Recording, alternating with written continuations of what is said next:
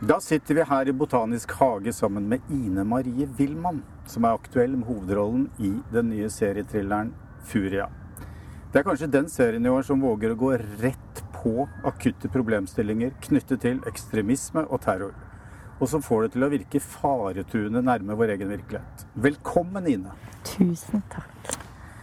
Ja, din hovedrolle i Furia er kompleks, men før vi begynner å skrelle av de lagene som utgjør den karakteren, så tenkte jeg vi kunne snakke litt mer om altså, konteksten i serien.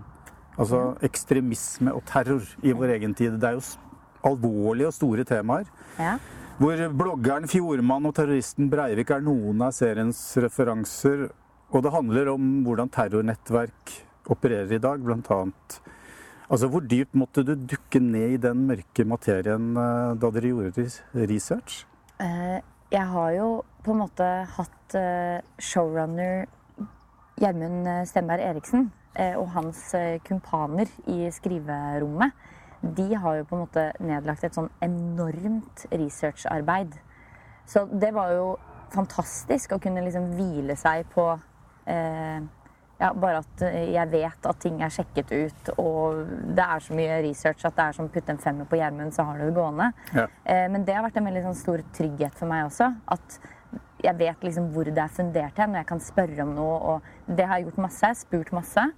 Men så begynte jeg å lese, da. Har sett liksom masse dokumentarer, har begynt å lese, har sett foredrag. Og så har jeg fulgt mye med på og lest hennes ting. En østerriksk journalist som heter Julie Ebner, tror jeg. Ebner. Mm. Eh, som i en alder av 20 et eller annet gikk rett og slett undercover i et ekstremt sånn høyremiljø. Altså alt-right-aktig miljø. Uh, og i ekstrem islam. Og hun snakker veldig mye. Hun holder foredrag for liksom, Google og disse svære gigantene eh, om hvordan radikalisering over internett fungerer, og hvordan disse nettverkene fungerer. Og hvordan eh, på en måte narrativen da, til ytre høyre og ekstrem islam eh, forsterker hverandre. Altså Ja. feeder på hverandres narrativer. Ja. Og det er jo veldig mye det den serien her kretser rundt. Og så ble jo den serien her helt sånn hyper-hyperaktuell fordi enkelte hendelser i dette fiktive manuset til Gjermund skjedde i virkeligheten i Tyskland mens vi spilte inn. Eh, og det har jo kommet frem masse saker etterpå. Altså, det var en hel avdeling av det tyske militæret for eksempel, som ble lagt ned fordi problemet med nynazisme var så stort at de ikke så noen annen måte å løse det på enn å bare legge ned hele avdelingen. Eh, Vi kan jo si det at eh, en vesentlig episode foregår i Tyskland. Ja. Eh, og så foregår det omtrent like mange her i Norge.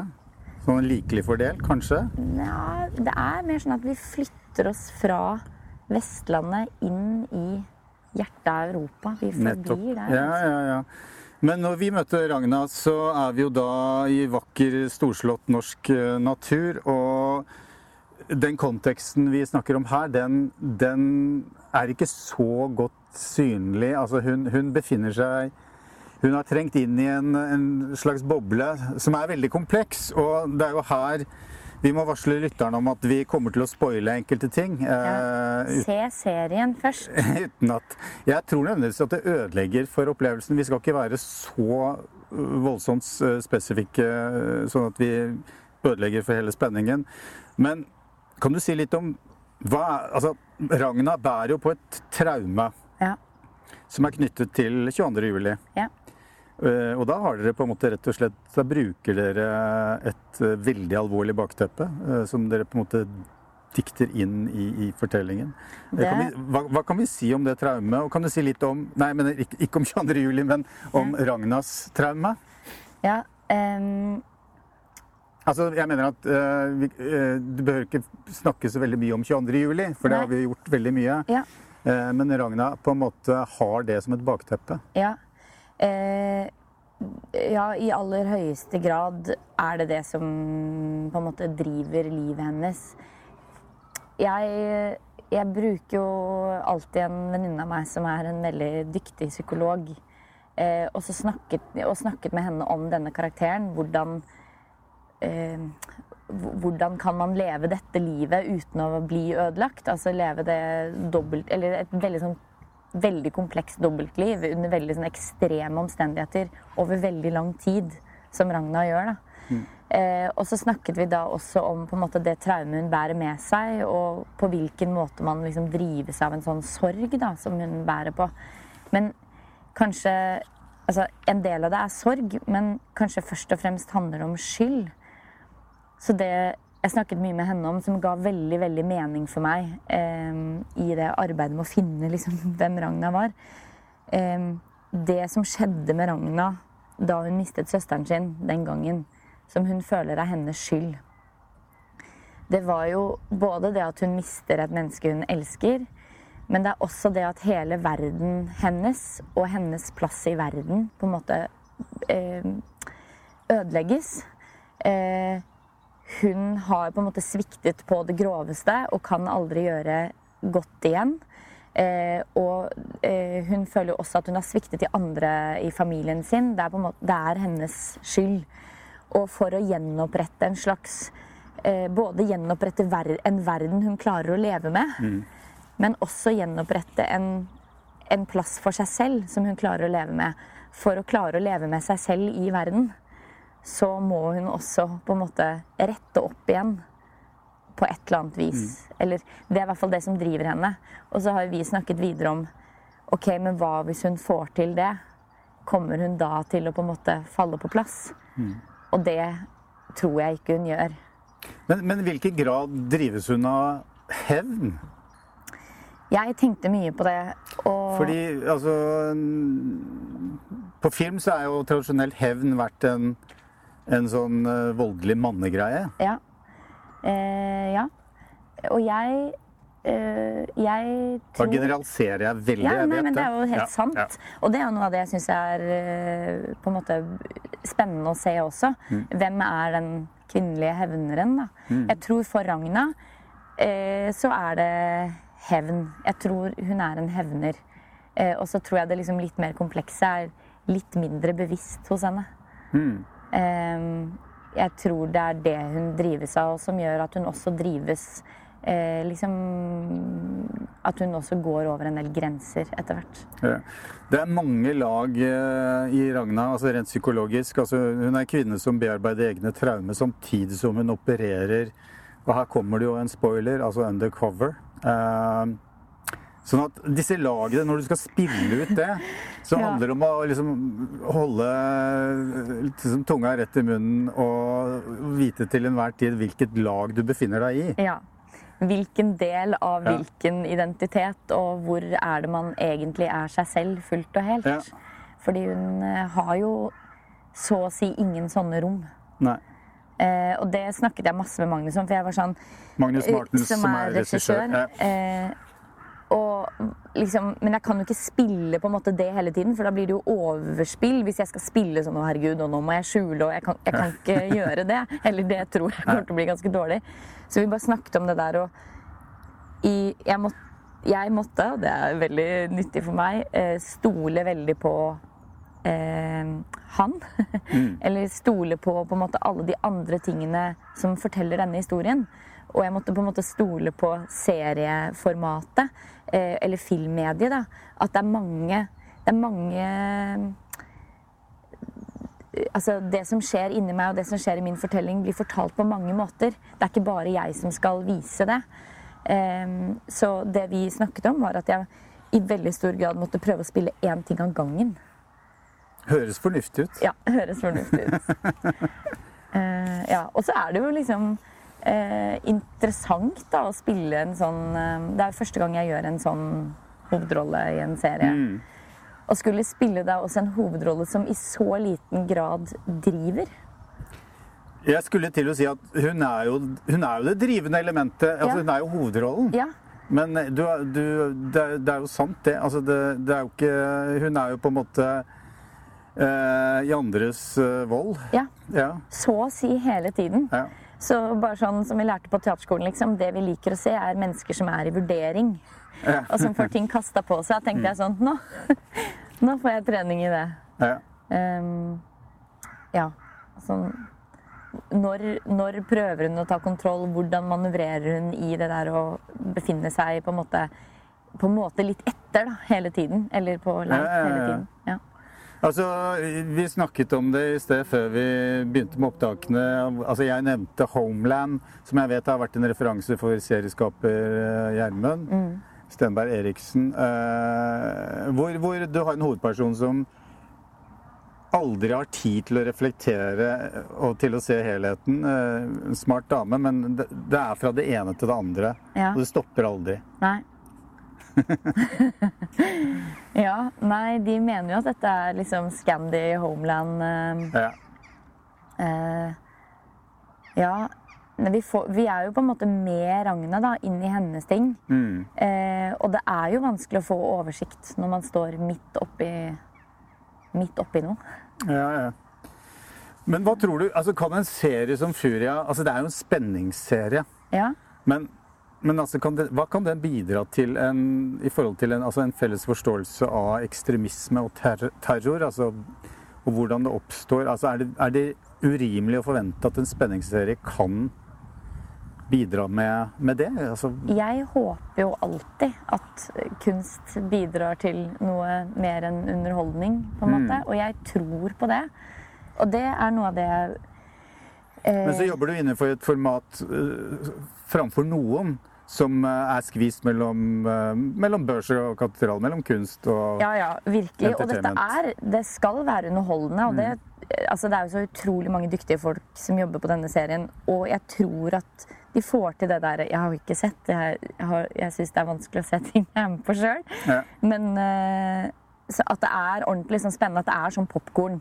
Så det er jo litt sånn lure folk inn med popkorn. Ja. Og få dem til å etterpå sitte og tenke over hva det er man ser på, eller plutselig begynne å se noen av de mønstrene. Og så tror jeg det der å løfte den tematikken gjør jo at den tematikken kommer på dagsordenen. Eh, og særlig fordi det kommer til å ha et stort tysk publikum. Eh, så har de vært veldig opptatt av at det skal kjennes ordentlig for tyskerne. At det skal kjennes ekte, at de skal kjenne igjen sine egne politiske systemer. At de skal kjenne det igjen. Eh, og det der å eh, Jeg tror ikke man kan snakke om et tema for mye. Eh, jeg tror dette er dette kan være én inngang til dette temaet, altså i forlengelse nå av de debattene, de nyeste debattene rundt 22. juli. At dette kan være enda en innfallsvinkel. Jeg tror ikke Den står jo ikke alene, liksom, den innfallsvinkelen, men jeg mener at den kan være med på å løfte frem tematikken og kompleksiteten i disse problemene. da. Du håper vel at vi som seere skal følge Ragna i tykt og tynt, ikke sant? Eh, Men, men, men altså i, I særlig begynnelsen så har vi jo nærer vi en slags ambivalens overfor henne. Altså hva, hva er det hun holder på med? Ja. Hva, hva er hennes eh, hva er hennes motiv? Eh, og dette med, med liksom, Du har spilt en del kvinneroller hvor, hvor vi føler en viss ambivalens overfor disse kvinnene. Ja. Jeg var veldig glad jeg, for det ordet der. Ja. Og, altså, og du har tidligere etterlyst altså, flere usympatiske kvinner i fiksjon, Ja. har jeg lest et sted. Ja.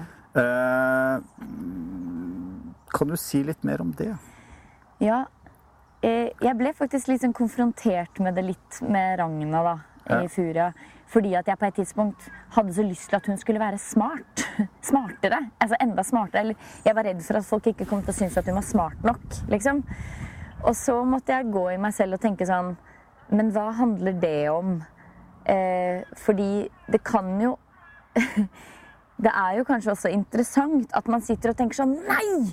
Faen heller, du skulle gjort noe annet! Ja. eh, enn at, enn at eh, karakteren min kommer over som liksom on top of her game til enhver tid. Eh, og, og det er jo ikke liksom nødvendigvis det samme som det der å være sympatisk, men det er jo det at eh, vi mennesker er jo hele. Vi er både veldig fine og ganske dritt. Og veldig små og dumme. Og tidvis kanskje smarte. Em, og så har det jo vært en tradisjon på at vi liksom har tålt hva skal man si, tålt lite Ja, tålt mindre, da. Ja. Eh, av eh, så det jeg har lært heter hard sårbarhet, f.eks. Mm. Hos kvinner. Vi tåler det ikke så godt hos menn heller, men vi er mer trent til å se det. At, at folk dek, altså at særlig da menn dekker over det som egentlig er sårbart med liksom øh, å være for tøff eller ta dårlige valg eller være slem eller være kjip eller misbruke rusmidler eller liksom Mm. øh, Ja. Eh, mens det, det gjør jo ikke sånn at eh, empatien vår nødvendigvis vekkes. Eh, såkalt myk sårbarhet, Mm. som kvinner i større grad har vært bærere av. Da. Det er når vi får lyst til og får lov til å holde rundt og trøste og være en hjelper. Men Omsorgsperson. ja, Ja. hvis vi får lov til det, da er det også lettere for oss å være empatiske. Men hvis det mennesket som er veldig veldig sårbart eller veldig traumatisert, er vanskelig å holde rundt, så er det også vanskelig for oss å like det. Liksom det, det Mm. koster mye for oss, da. Ja. Din, din rollefigur i Exit, TV-serien Exit, Celine, fikk jo, fikk jo litt samme behandling som, som eh, altså Skylar i Breaking Bad, som jeg sammenligner med. Fordi eh, skuespillerne i den filmen fikk jo masse tyn fordi eh, rollefiguren hennes rett og slett oppførte seg ikke så ille som ektemannen, men sånn eh, Hun var jo ikke noen sympatisk type. Nei. Men hun fikk jo mye mer tyn enn ektemannen. Ja, For han var liksom eh, badass. ja. Og det er jo eh, Så det er jo et fenomen som i høyeste grad eh, er fortsatt aktuelt. Da. Ja, ja. Jeg, men jeg må innrømme at eh, som skuespiller, eller eh, Jeg syns jo Sånn som med Celine da i Exit, Ja. så har jeg det jo sånn at jeg Jeg var sånn, men i sesong to, hvor man skulle komme litt mer under huden på henne, så snakket jeg med regissøren, så sier jeg meg sånn Ja, men hun kan ikke være altfor liksom relatable. Hvis Nei. de mennene skal få lov til å være helt fucka og ødelagt. Så hun er jo også det. Ja. Hvorfor må vi på en måte ehm, Ja. eh, hvorfor må vi tenke at ja, ja, men dypest sett er hun bare en vanlig søt eh, jente fra rekkehusområdet, liksom. Ja. Eh, Så nei, hun er også helt fucka, og det, det må hun få lov til å være. Og da sa Øystein Carlsen, re- regi, eh, ta det med ro Ine. Du gjør det veldig vanskelig å like Celine. Men det tok jeg, det tok jeg som en, eh, et kompliment. Eh, så, så jeg, så jeg syns jo på en måte det er, det er gøy at hun kan få lov til å være liksom kjip og litt ødelagt og sånn, for sånn er vi også. Et enda mer komplekst vesen, som du framstilte. Ja. Eller unnskyld, vesen. Kvinneskikkelse. Var jo, var jo Sonja Hennie i Sonja. Ja. Eh, men hun var jo ikke bare kompleks, men hun var et nasjonalt ikon. Eh, og da, da begynner man å kødde litt med større ting, eh, selvfølgelig. Ja. Hvordan, hvordan, når du ser tilbake på denne rollen, hvordan opplevde du mottakelsen av den? Du, eh, hmm. Det der var jo en veldig, veldig lang prosess. Og, men jeg merket meg Altså, jeg syns jo at hun er på en måte eh, både helt fantastisk og superinspirerende og veldig, veldig kul og morsom og alt det. Ja. Og så tror jeg også at hun var veldig vanskelig å være tett på. Og tidvis tror jeg hun kunne være en tyrann. Jeg tror hun liksom var hele det spekteret. Og det syns jeg var vanskelig under innspillingen, eller å gi fra meg kontrollen på hvordan mennesket mitt skulle bli framstilt. For jeg hadde en sånn opplevelse når Anne sa sånn Ja, det er veldig gøy når du gjør sånn der. For da, da hun ser helt gæren ut. Og så ble jeg veldig sånn Jeg merket at jeg var sånn Men hun er ikke gæren.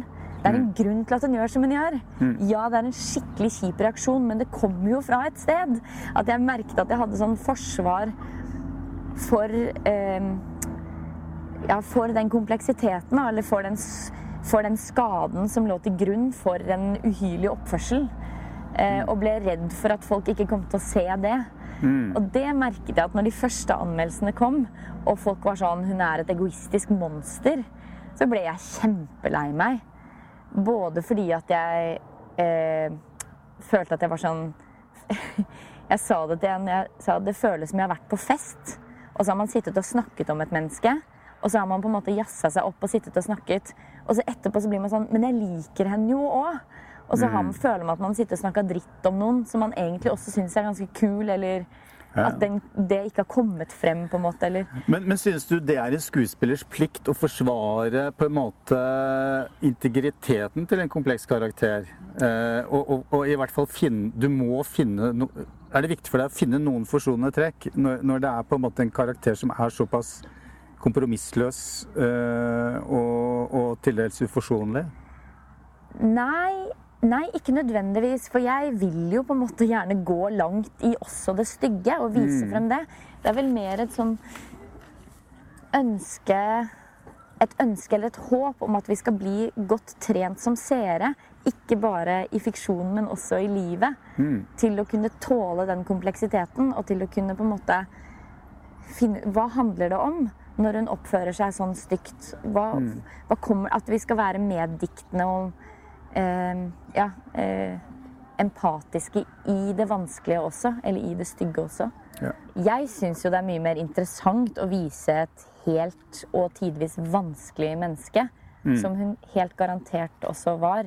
Og sånn som jeg og min psykologvenn har analysert Ja. den, denne casen. Men det blir jo også dikting. Det blir jo vår versjon, da. Ja. Men her blir det jo også eh, veldig sånn tydelig det der når man er skuespiller i film eller TV. Man har jo bare kontroll til en viss grad. Og så blir fortellingen og karakterene og alt skapt utenfor min kontroll, sånn til Ja, ikke og sant? sist. Og, og du, vi snakker jo en del om psykologi her og, og sånt nå, men når du står på settet og skal løpe som en gal Mm. gjennom skogen Vi ser deg gjøre det. Mm. Så ber man kanskje ikke om undertekst. Nei, det er mitt, det er mitt ansvar. Da, da er løpeball og, og, og altså, Da vil vel regissøren at liksom Jeg vil bare at du skal løpe den veien der. Ja.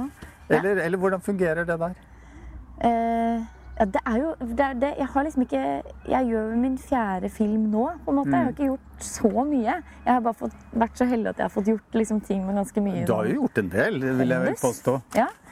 Men, eh, men det er jo det jeg begynner å merke også, at liksom alle regissører eh, og alle skuespillere Alle har liksom sin vei inn. Så noen vil bare be deg om å løpe.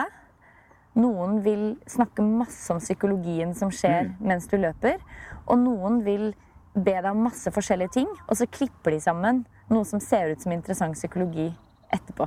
Ja, ikke sant? Sånn at det er veldig, veldig Og da skjønner du hva de har tenkt, eller eventuelt skjønner hva som ikke funker. Det, Ja. ja.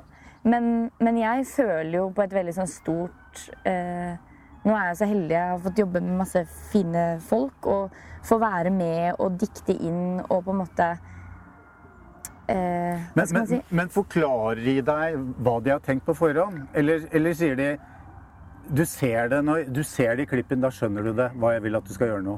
Nei, nei, det gjør det ikke. Ofte så er det jo en samtale. Jeg er jo eh, Jeg har jo fått lov til å være veldig sånn med. Så da sier jeg jo jeg, tenk, jeg har skrudd sammen sånn og sånn, og kan vi ikke kanskje gjøre mer sånn, eller går det an at den scenen Ja, kan vi gjøre henne enda tverrere her, eller tåler vi det? Altså, em, sånn at det er en veldig sånn åpen dialog, da.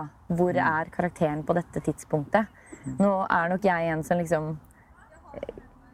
jeg, jeg trives nok godt med å være veldig inni på en måte, det psykologiske. Mens andre skuespillere jobber jo veldig mye mer sånn teknisk. Hvilken scene er dette i dramaturgien? Hva er det man trenger fra denne scenen i forhold til det som kommer senere? Sånn, sånn eh, fun har jeg skjønt at jeg ikke funker i det hele tatt. Men det jeg hadde lyst til å spørre om da var, altså Denne produksjonen er jo innspilt eh, i Norge og i Tyskland. Og det er jo en koproduksjon med to forskjellige Kanskje to, to forskjellige produksjonsklimaer, i hvert fall regimer. Absolutt. Eh, kan du si litt om det? Altså, I Skandinavia så har vi gjerne litt sånn Eller tror vi har det. Lavere skuldre og litt mer egalitært Ja. på et sett. Ja, det, det er min erfaring. Tyskerne er litt mer sånn ja, Absolutt. Mer sånn, ja. hierarki. Ja. Ja. Eh, Hvor det er veldig sånn tydelig hvor man er på stigen, og hvem som er autoritetsperson. Og, eh, og jeg merket altså Magnus Martin, som er den norske regissøren, og hans fotograf, da var det mye mer sånn Hva tenker du? Og spurte B-fotograf, og liksom ideer kom på bordet. Det var mye mer sånn. Mens i det tyske så var det mye mer sånn eh, Regi, som også har fotobakgrunn, da, eh, bestemte hvordan det skulle være. Ja. Og hvis rekvisitøren snakket mens regissøren snakket, så ble det stille i rommet, og det var liksom evil eye i to minutter, liksom. Straff. Ja. Em, så, men det var interessant for meg også som skuespiller. Jeg hadde heldigvis helt fantastiske kollegaer eh, tett på gjennom hele prosessen. Eh, og Preben Hanneland, som jeg ble min partner in crime.